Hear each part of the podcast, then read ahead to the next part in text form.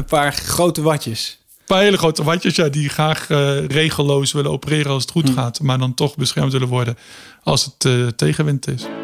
Ik ben Ties. En ik ben Thomas. En samen maken wij de podcast TNT op scherp. Waarin we ons vizier richten op de economie en onderzoeken hoe die sneller kan verduurzamen. TNT op scherp. Een podcast van Follow the Money. Hey Ties. Hey Thomas. Hoe is het? Goed, ja. Waarom heeft het zo lang geduurd dat we weer samen in de studio staan? nou, ik ben uh, drie weken ertussenuit geweest. Ik heb gebruik gemaakt van uh, de mogelijkheid die de overheid me geeft tot partnerverlof als je een kind gekregen hebt. Dus ik ben uh, drie weken thuis geweest met een kleine baby en een, een jongetje van vier. Nou, dat klinkt als de beste vakantie ooit. Nou, ja, ja, ja, ik mag ook weer aan het werken, is ook wel lekker. Maar het was ook heel leuk. Er is nog een reden waarom het zo lang heeft geduurd. Want jij bent bezig met een boek. Ja, ik zit dus tot over mijn oren in de luchtvaart. Ik ben eigenlijk uh, ja, 1919 begonnen en ik ben me zo naar de toekomst toe aan het werken over wat er nou eigenlijk precies is gebeurd in die luchtvaart. En waarom ja, de luchtvaart en, en KLM in het bijzonder toch telkens opnieuw uh, staatssteun krijgt. Welk verhaal hoort daarbij? Om wat voor soort geld gaat dat? Welke beloftes worden daarbij gemaakt? Um, dat soort vragen probeer ik te beantwoorden en ook een beetje sexy te maken. Telkens opnieuw, want, de KLM heeft nu staatssteun gekregen vanwege de coronacrisis, maar dat is dus niet de eerste keer geweest. Dat is absoluut niet de eerste keer geweest. Nee, de KLM, eh, de luchtvaart, uh, weet weg naar de schatkist door de decennia heen regelmatig te vinden. Dat kunnen we veiligstellen. Daar, daar zitten natuurlijk iedere keer nuances aan dat verhaal. En dat is iedere keer op een iets andere manier wordt dat verantwoord. En ik probeer daar eigenlijk de grote lijnen in te ontdekken. En waar ik in mijn onderzoek op dit moment uh, ben, eigenlijk in mijn historische onderzoek, kwam ik eigenlijk op een gegeven moment ja, vanuit 1919, nou, de Eerste Wereldoorlog, Tweede Wereldoorlog, bla. Toen kom ik uiteindelijk in de jaren 70, eind jaren 70, begin jaren 80 terecht. En dan vindt er een heel belangrijke uh, ontwikkeling plaats in, in de luchtvaart, namelijk de liberalisering van het luchtruim. Eerst in Amerika en dan, en dan in de jaren 90 in Europa.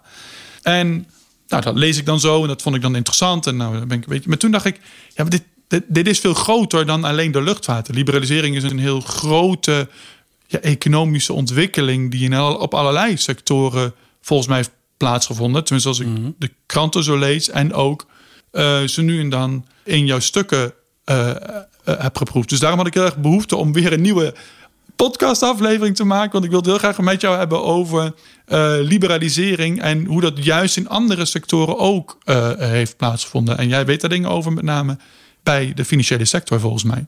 Oké, dus we gaan het hebben over liberalisering van sectoren. Ja, liberalisering van de economie en, en uh, ja, hoe, dat, uh, hoe dat eruit ziet in verschillende sectoren en wat daar de verschillen en de dwarsverbanden tussen zijn. Ah, als het aan mij ligt hoor, als we daar uitkomen, dan laten we dat als ambitie stellen en dan, maar we zien wel waar we eindigen. en wat, wat is dan de definitie van liberalisering? Wat betekent dat? En, eh, want jij bent er nu over aan het lezen, dus dat, uh, daar ben ik wel benieuwd naar.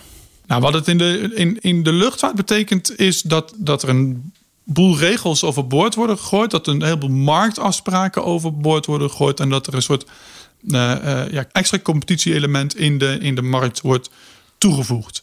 In de luchtvaart is het gevolg daarvan onder meer de, de komst van heel veel uh, ja, prijsvechters als in Europa, Ryanair en EasyJet. Hm. Wat betekent het bij jou? Laten we kijken waar daar de overeenkomst zit. Wat betekent het bij de banken? Ik, ik ben nog even op zoek naar wat is de gedachte erachter. Want waarom waren die regels er eerst en waarom worden ze vrijgegeven? En dat, dat is denk ik belangrijk uh, om te weten überhaupt van waarom doen we dat, liberaliseren? Waarom waren die regels er in de eerste plaats? Bij de luchtvaart was het omdat de gedachte was: dit is een, dit is een uh, vitale extreem belangrijke sector. Die moet, die moet beschermd worden vanuit een, ja, vanuit een infrastructureel oogpunt. Dus, dus, dus landen willen hun eigen nationale carriers eh, ja, eh, daar afspraken over maken met andere landen. Het is natuurlijk altijd per definitie internationaal. Dus er moeten ook internationaal afspraken gemaakt worden. En ja, dat is ook een soort. Die, die, die, die sector moet beschermd worden met een heleboel regels. Ook prijsafspraken bijvoorbeeld, zodat ze niet te snel failliet gaan. Dat soort uh, elementen spelen mee. Oké, nou dat is, dat is denk ik wel in andere sectoren dan vergelijkbaar. Ook in de financiële sector en bijvoorbeeld ook de energiesector, die, die mhm. ook is uh, geliberaliseerd, uh, nog veel recenter. Bij, bij al die liberaliseringen was wel het idee van de manier hoe het nu is ingericht is eigenlijk een beetje te uh, bureaucratisch. Er zijn te veel regels en daardoor uh, is er te weinig competitie tussen spelers. En is er ook te weinig innovatie. Hè? Want uh, door al die regels belemmer je dat er nieuwe bedrijfjes opkomen die gaan innoveren en zo'n sector dynamischer maken.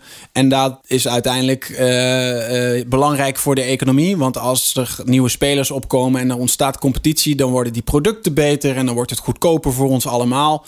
En uh, profiteert de hele samenleving daarvan. Dat is volgens mij de gedachte een beetje achter liberalisering. Achter liberalisering. Maar, maar als je dan in jouw geval een stapje terug gaat en kijkt dat uh, de energiesector een soort essentieel onderdeel vormt van de economie, een soort basisinfrastructuur is. Dat kan ik uh, gevoelsmatig heel makkelijk volgen. Alleen bij de banken is dat, is dat ook zo? Waren ook die regels die er op een gegeven moment zijn losgelaten, waren die regels er ook om, om de sector aan zich te beschermen tegen juist te veel concurrentie en te veel ja, marktwerking? Ja, de, de, de financiële sector is natuurlijk ook een, een sector met een nutsfunctie en een, een belangrijke ja, een belangrijk orgaan voor de hele economie. Als je, als je financiële sector uh, niet goed functioneert, uh, dan loopt ook de reële economie vast. Omdat je niet meer bedrijven kunt financieren op, ja, op een fatsoenlijke manier, op een snelle manier. Als het heel moeilijk is om financiering te regelen dan kunnen nieuwe bedrijfjes niet starten en kunnen andere bedrijven niet, niet doorgaan en, en nieuwe projecten starten. Dus het is belangrijk dat je een financiële sector hebt die dat goed kan faciliteren. kun je een voorbeeld geven van, van, van hoe, dat, hoe regels daarvoor, uh, daaraan bijdroegen? Nou, het idee van die liberalisering. Um, en dan, en dan hebben we het over de jaren tachtig. Ja, maar ik bedoel eigenlijk nog daarvoor. Zeg maar, ja? Wat voor regels waren er daarvoor die ja, uh, zorgden dat die, dat die nutsfunctie van de banken uh, gewaarborgd werd. Ja, dat, dat zijn vooral regels over hoe uh, moet kredietverlening eruit zien. Welke rentes mag, mag je maximaal vragen? volgens welke condities mag je financiering aanbieden? Welke partijen mogen die financiering aanbieden? Daar moet je aan bepaalde regels voldoen. Daar moet je vergunningen voor hebben, een, een banklicentie. om, om te zorgen dat die sector eigenlijk op een bepaalde manier opereert. Dat je voorkomt dat uh, mensen hun spaargeld uh, in één keer kwijt raken. Ja, want dus dan ontstaat er uh, economische onrust. Ja, dus bijvoorbeeld dat je met, met er zijn serieuze restricties aan wat je met, hoe je met spaargeld omgaat. Dat mag je niet zomaar allemaal brood in het casino zetten. Precies. Bij wijze van spreken. Ja, ja want, want financiële instellingen en banken met name, die hebben uh, die trekken spaartegoeden van mensen aan. En dan heb je toch het idee dat dat daar redelijk veilig staat. En die bank gaat ondertussen uh, voor eigen rekening toch wat, wat andere dingen doen in die financiële markten. Mm -hmm. En ja, als je praat over de regulering in de 20e eeuw, dat is ook weer voortgekomen. Omdat we in de vorige eeuw, uh, in de jaren 2030, een grote financiële crisis hebben gehad. Die werd veroorzaakt door toch wel een beetje financieel uh, innovatie en allerlei. Uh, Even voor de luisteraar, je maakt innovatie, maak je met, uh, met hoe noem je die dingen? aanhalingstekens. Aanhalingstekens, ja.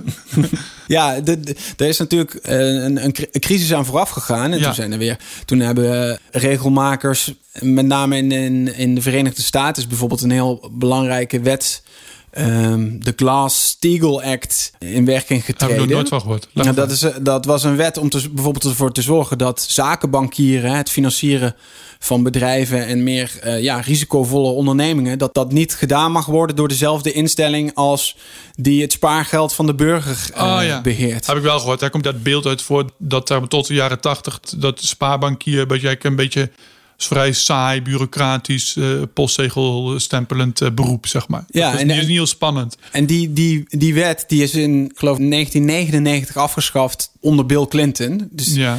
Um, maar die liberalisering die is eigenlijk van de jaren, vanaf de jaren 80, 70, 80 ook in de financiële sector begonnen. Ja, dat is dus wat je bij bank onder liberalisering verstaat. Dat dat soort wetten eigenlijk gaandeweg verwateren of afgeschaft worden of vervangen worden door minder stringente scheiding bijvoorbeeld. Ja, uiteindelijk wel. En, en ook dat er workarounds worden gevonden, zodat ook al is die wet nog steeds van kracht, dat je toch bepaalde dingen kunt doen door ze net iets anders te noemen of net iets anders te ontwerpen, zodat je om de regels heen werkt. Want nou, dat denk ik, dat is misschien wel even goed om heel, dat zeg je heel snel, maar dat is wel goed om heel even te poseren. Want dat lijkt me dan weer manieren verzinnen om buiten de regels om te werken. Dat lijkt me niet de bedoeling van de regels dat er ja, weet ik veel, complexe namen voor producten worden verzonnen.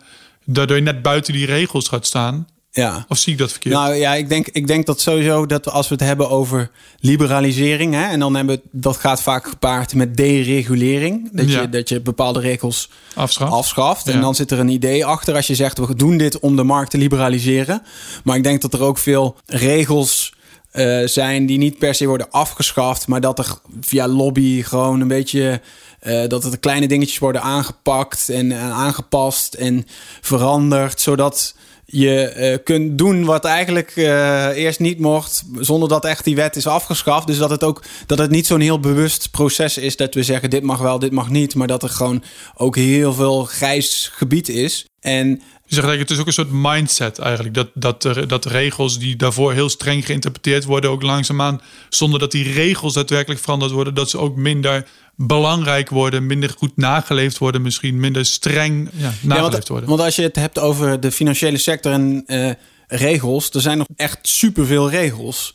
Dus, Nog steeds, ja, Ja, er zijn nog steeds heel veel regels. Alleen het gaat er ook om, zijn het de juiste regels? Nee. Eh, dus, dus het is niet per se zo dat, alle, dat er geen regels meer zijn. Alleen er is heel veel gedetailleerde regelgeving die misschien allemaal eh, wel heel ingewikkeld is, maar niet per se voorkomt wat je er in eerste instantie mee wilde voorkomen. ja, ja, ja, ja. Maar het, even dan naar die liberalisering in de financiële sector. Wat daar is gebeurd Ja. is dat er ehm, eigenlijk er kwamen innovatieve nieuwe producten. eh, dingen als derivaten, eh, hè, de afgeleide van eh, financiële Ja. producten, opties, eh, futures, contracten.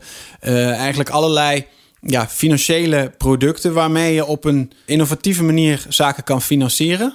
Eh, maar die ook risico's in zich hebben, waarvan van tevoren werd gezegd: "Hmm, misschien moeten we dat eh, niet doen. Ja, die, die producten zijn ontwikkeld. Er werd ook eh, ingezien dat, dat die ook een, een functie kunnen vervullen, zodat je daar be- bepaalde dingen wel mee kan faciliteren. Dus dat het makkelijker wordt om zaken te eh, financieren. En je dus. Ja, dat is wel de theorie. Want ik, tenminste, volgens mij, want tenminste waar het, waar het eindigt, is volgens mij ook een. Ik ben nu in dat boek bezig. En goed, waar ook die film Netflix van is, die hele beroemde over de kredietcrisis. Ik kom even niet The de Big Short. The Big Short, precies, dankjewel.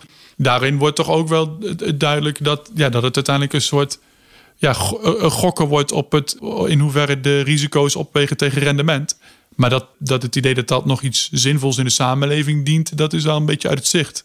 Eh, Ja, alleen ik denk dat het een geleidelijke schaal is. Want, want Ja. in de eerste instantie worden die eh, producten gemaakt om ook wel nuttige eh, zaken te financieren. En je kan Ja. ook niet zeggen dat ze helemaal nutteloos zijn. Ze, ze voorzien in het afdekken van bepaalde risico's. Als jij een future contract waarbij een, een boer eigenlijk eh, alvast kan vastleggen voor hoeveel geld hij zijn graan in de volgende oogstperiode kan verkopen. Eh, dan kan hij beter inschatten wat het gaat opleveren. Kan hij beter inkopen. Kan hij eigenlijk gewoon zijn bedrijfsvoering beter uitvoeren.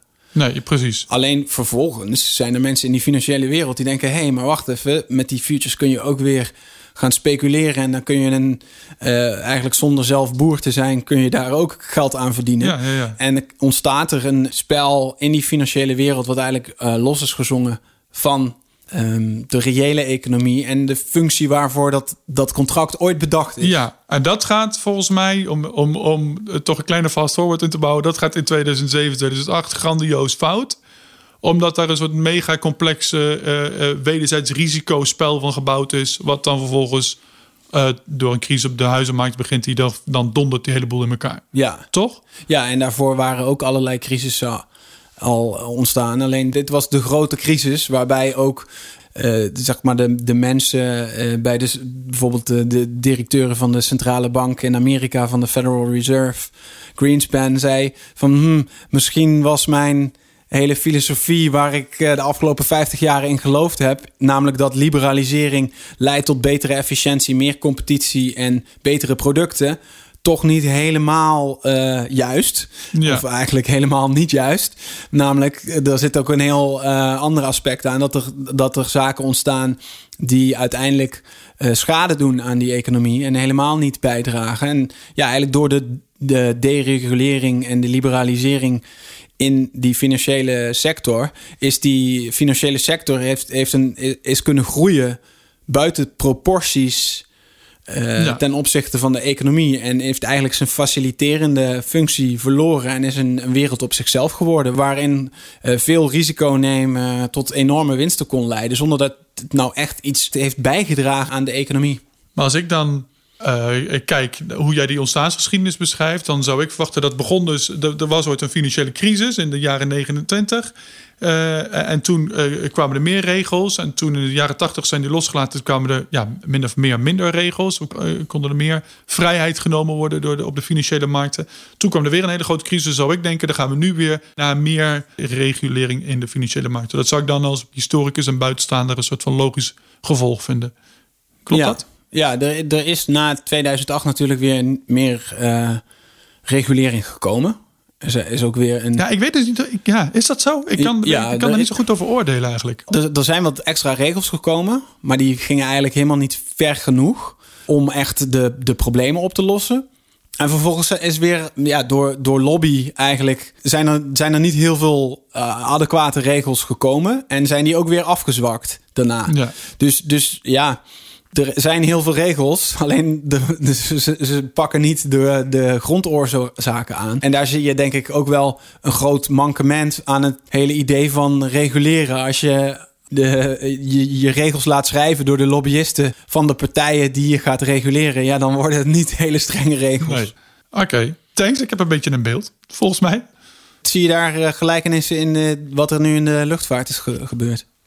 Nou, eigenlijk maar in het proces niet zo, maar in het resultaat wel.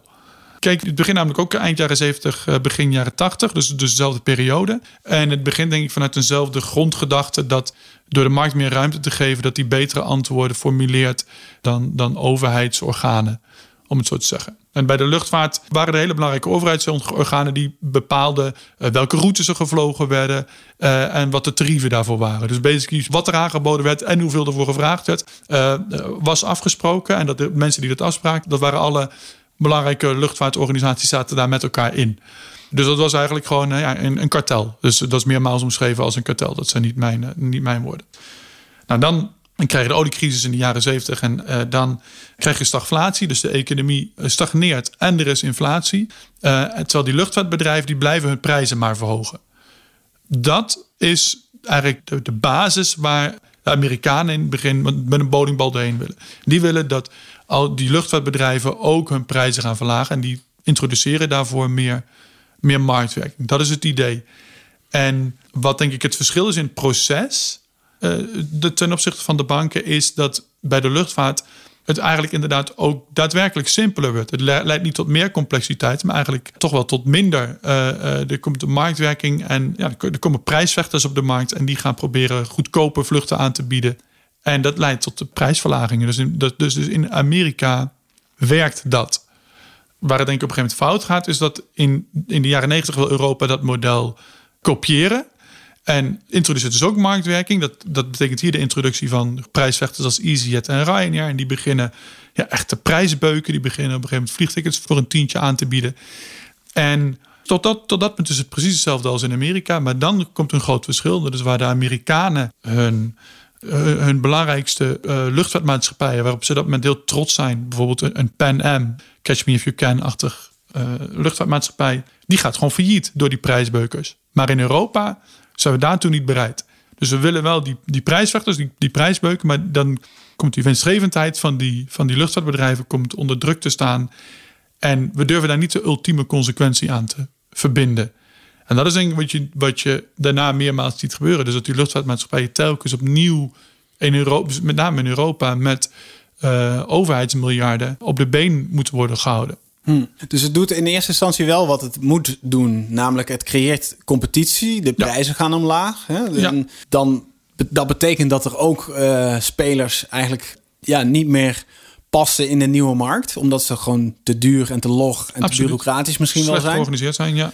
En dan moeten ze verdwijnen, want dat is marktwerking. Hè? Dat is, Ja. dat is eh, hoe, hoe het volgens de officiële regels zou moeten werken. Dat is, dat is de ultieme consequentie, lijkt me, van die liberalisering zou Ja. moeten zijn. Ja. Alleen dat gebeurt dan vervolgens niet. Dat in Europa met name niet, Hm. inderdaad. En dat uitblijven daarvan, eh, dat is een van de redenen dat we nu zo ontzettend veel geld kwijt zijn. Want dat betekent dus dat ja, dat, dat, dat ook een KLM helemaal geen vet op de bot heeft op het moment dat het even tegen zit. Maar dat is dan ook wel op, op zich ja, vergelijkbaar met in die financiële sector. Want in eerste instantie ontstaat er meer competitie. Je krijgt goedkopere leningen. Maar de, een andere consequentie is dat als je dan nog geld wil verdienen, moet je meer risico gaan nemen. Ja, ja, en dat betekent dat partijen kunnen omvallen. Maar in de bankaire sector is het ook zo dat we dat niet toestaan. Want die, ja, dan, dat, dat kan betekenen dat bijvoorbeeld een deel van de bevolking zijn spaargeld kwijt is. Dat is veel te heftige consequentie. Of Ja. eh, allerlei financieringen die kunnen niet meer eh, worden gedaan. Dus dan ga je. En we eh, kunnen de risico's gewoon niet zo goed overzien. Volgens mij ook. Op het moment dat er, dat er een bank zou omvallen, is volgens mij. Het is, eh, we weten eigenlijk niet zo goed hoe die verweven is met de rest van de economie. Daar zijn we bang voor. Dus ze durven het niet failliet te laten gaan. Ja. Maar, dan, maar dan werkt het model dus om die competitie te stimuleren. Eh, werkt niet helemaal, want we zijn vervolgens niet bereid om, om daar de volgende stap van te accepteren. Want dat is een logische volgende stap. Als je eh, Ja. eh, prijsvechters gaat krijgen, dat er dan anderen failliet moeten gaan. Ja, zeker. En wat de boel, denk ik, bij de luchtvaart nog eens een keer extra compliceert, is dat we durven ook niet de regels te maken om bijvoorbeeld die prijsvechters iets meer bij te sturen. Want iedereen snapt op zich wel, ook bij KLM, snappen ze echt wel dat eigenlijk voor een tientje vliegen naar Barcelona, of weet ik veel, of voor 70 euro, dat is veel te goedkoop. Dat kan helemaal niet uit. Eh Ryanair houdt het alleen maar vol omdat ze ruksigloos snijden op de kosten. Dat ze gewoon eh, eh, onderbetaald personeel hebben rondlopen. En ook, ook veiligheidsrisico's inbouwen. Door bijvoorbeeld met, ja, met echt precies genoeg kerosine te gaan vliegen. Wat net, weet je, daarmee halen ze het net, maar niet te veel. Want dan zijn ze iets te zwaar. En dat levert dan net dat, dat levert net dat verschil op, waardoor ze nog net winstgevend zijn. Dus ze gaan ook meer risico's nemen. Ze gaan ook, precies, ze gaan ook meer risico's nemen, maar daar iets aan doen.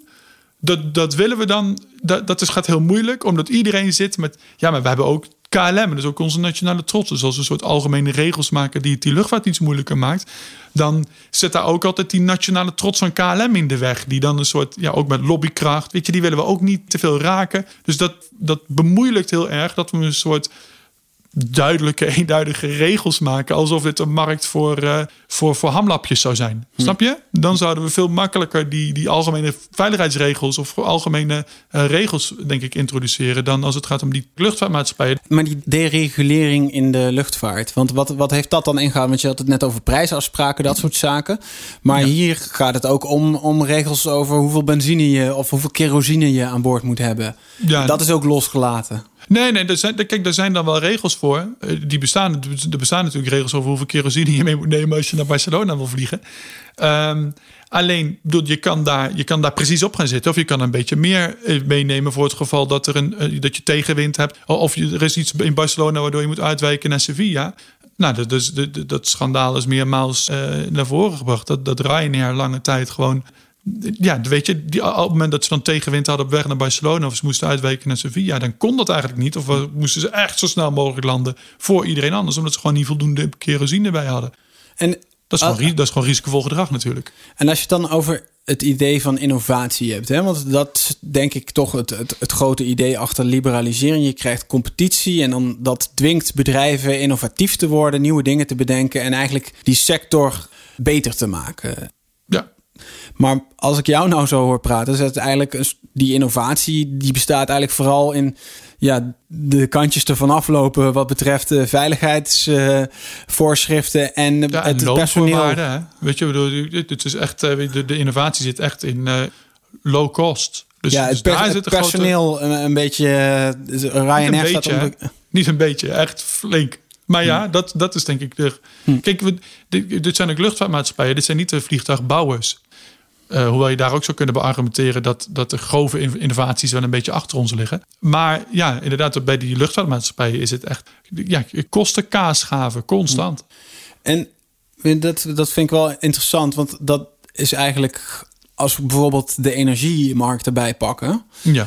Ik heb eh, gewerkt bij eh, een groot energiebedrijf. Wat je daar in die markt ook zag, want die is in rond 2019 geliberaliseerd. Of 2009 A, 2010. Ja, Ja, ja, ja, zo- zoiets. Ja, ja. dat je daar zag dat er ook allerlei prijsvechters op stonden. Ja. En niet per se bedrijven die dan innovatief werden op duurzamere energie produceren of dat soort zaken. Maar eigenlijk gewoon een nieuw labeltje eh, gingen starten probeerde zoveel mogelijk klanten weg te lokken bij de grote spelers. Om vervolgens dat bedrijf weer terug te verkopen aan zo'n grote speler. Dat is Ja, echt eigenlijk het spel. je, precies, ik vind het wel leuk dat je dat noemt. Want ik realiseer me nu, want ik heb natuurlijk ook wel over geschreven. eh, eh, met name over faillissementen van die kleine jongens. eh, Energieflex en Robin Energie. En wat je daar ook zag, is, weet je, zij gingen zich expliciet richten op mensen met schulden. Mensen met, met betalingsproblemen. Niet omdat dat nou zo'n bijzonder aantrekkelijke markt is. Want ja, het aantal wanbetalers is onder mensen met schulden helemaal wat hoger dan onder miljonairs. Ehm, maar die gingen ze naar zich toe trekken omdat dat een relatief makkelijk bereikbare markt was. De andere grote jongens lieten die links lieten omdat dat een te groot risico voor ze was. Maar deze, deze innovatie die je dus plaatsvindt, die kleine spelers die gingen opstaan, die gingen juist op zoek naar ja, ja, die, dat, risicovolle groepje. En dan probeerde daar dan toch nog wat winst uit te halen. Dat gaat dan een paar jaar goed, totdat het fout gaat. En dan, en dan zijn ze failliet. En Maar daar was in ieder geval wel de bereidheid om ze failliet te laten gaan. Dat is denk ik wel een verschil met de luchtvaart en Ja. de banken. Alleen er zijn ook een, een boel eh, van die bedrijfjes die dan een, een aantal jaar eh, eigenlijk een heleboel geld er tegenaan gooien om klanten weg te kapen. Voor de rest ook niet echt iets toevoegen, want ze kopen de stroom in bij diezelfde bedrijven. Ja. Eh, dan heb je een nieuw label, dan gaan ze eigenlijk onder de prijs zitten. Geven ze gratis iPads weg meestal. Ja, ja. En dan kaap je een heleboel klanten en dan zeg je... sponsor van FC Twente. Ja, en dan, en dan daarna ko- verkoop je het terug eh, aan, de, aan diezelfde partij. En ook dan vaak, ja, de- je hebt nog een klein beetje de duurzame labels. hè Zo'n Ja. bijvoorbeeld Green Choice, maar ook van de Bron eh, recent. Hè? Die zijn Ja. allebei gestart als aparte bedrijven. Maar de een is aan Eneco verkocht, de andere is aan Ascent verkocht. Ja. Uiteindelijk levert het in, on, on the bigger picture eh, Nee. heeft het niet zo heel veel maatschappelijk lijkt dat niet heel veel op te leveren. Hm. Behalve dat je ja, een soort, ja, dat, je- dat je een soort hele scherpe prijsconcurrentie krijgt, maar ook een soort stimulans voor extra risicovol gedrag toevoegt. Omdat ja, ze willen natuurlijk zo snel mogelijk toch die 50.000 of 100.000 klanten halen, waardoor ze, die, eh, eh, waardoor ze verkoopbaar worden aan de grote jongens.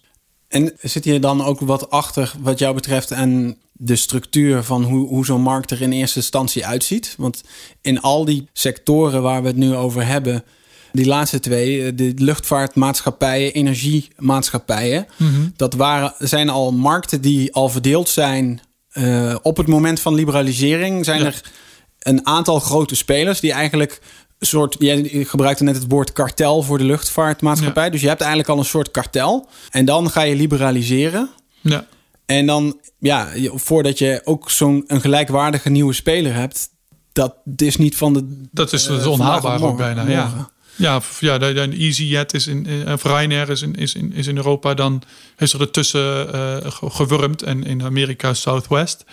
Dus, dus, dus, dus ja, dit is wel mogelijk gebleken. Maar ja, dit is, het is heel moeilijk. Maar wat het mij vooral leert, is het is ook een beetje een droombeeld. Alsof, je, alsof dat kan, zeg maar. Als zo'n markt al helemaal bestaat en is dichtgetipt met grote spelen, dat je dan als overheid eh, ja, je vingers daar maar vanaf kan trekken. En dat dat dan dus vanzelf wel goed gaat. Ja. Ik, ik heb het idee dat daar dat, dat het soort dogma is dit niet klopt. Maar is dat niet ook gewoon de kern van, van het probleem? Want we- als je denkt, liberalisering creëert een soort van speeltuin waarin allerlei eh, creatieve eh, geesten Ja. aan de slag kunnen, nieuwe bedrijfjes beginnen en dan verbeter je die hele sector en die hele markt. Want eh, in één keer is alles mogelijk, terwijl in de realiteit zijn er gewoon een paar grote spelers die nog steeds de dienst uitmaken, die ook als er echt een nieuw innovatief bedrijf is dat hun positie eh, bed- eh, bedreigt, dat ze die dan opkopen. Want dat Ja, gebeurt of- natuurlijk ook precies, in veel of, en, sectoren. en dus als ze op het punt, daardoor op het punt worden gebracht dat ze op omvallen staan, dan durven die ultieme consequentie niet te trekken.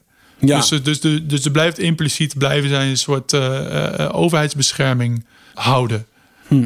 Ja, dus ik dacht, ja, dat is een soort eh, kapitalisme voor watjes eigenlijk, eh, wat je daarmee introduceert. een paar grote watjes. Paar hele grote watjes, ja, die graag eh, regelloos willen opereren als het Hm. goed gaat, maar dan toch beschermd willen worden als het eh, tegenwind is. Oké, ja, dus je zegt eigenlijk de, de regels die worden afgezwakt, maar echt gewoon eh, dan het, de regels van het kapitalisme volgen, Nee, dat doen we niet. dat doen we niet. Eigenlijk, want ik vind het idee er, erachter liberaliseren, niet zoveel regels en bureaucratie, maar een competitieve markt waarin ruimte is voor innovatie, vind ik een hele goede gedachte in de basis. Eh, als het zou leiden eh, wat de be- toe- Ja, maar ja, ja. tot wat de belofte is. we, ja, we analyseren, we analyseren, laten we het niet te groter maken dan het is. Maar we bekijken nu even zo eh, zijdelings drie, drie markten... waarin dit alle drie dus al niet echt lijkt te gebeuren. Dus Nee, maar zou het kunnen werken als je die grote spelers niet zou hebben? Wanneer het- zo'n markt bediend kan worden door kleinere spelers? Ja, maar ja, dat, kijk, nu, nu gaan we een soort theoretisch spelletje spelen. Want Mhm. je, je, je begint niet from scratch. Zeg maar. er, er zijn grote spelers en daarmee moet je werken. Ja. Dus ik denk dat die zeker regels nodig hebben. Goed. Zullen we het daarbij laten? Ja, laten we het daarbij laten. Oké, dankjewel.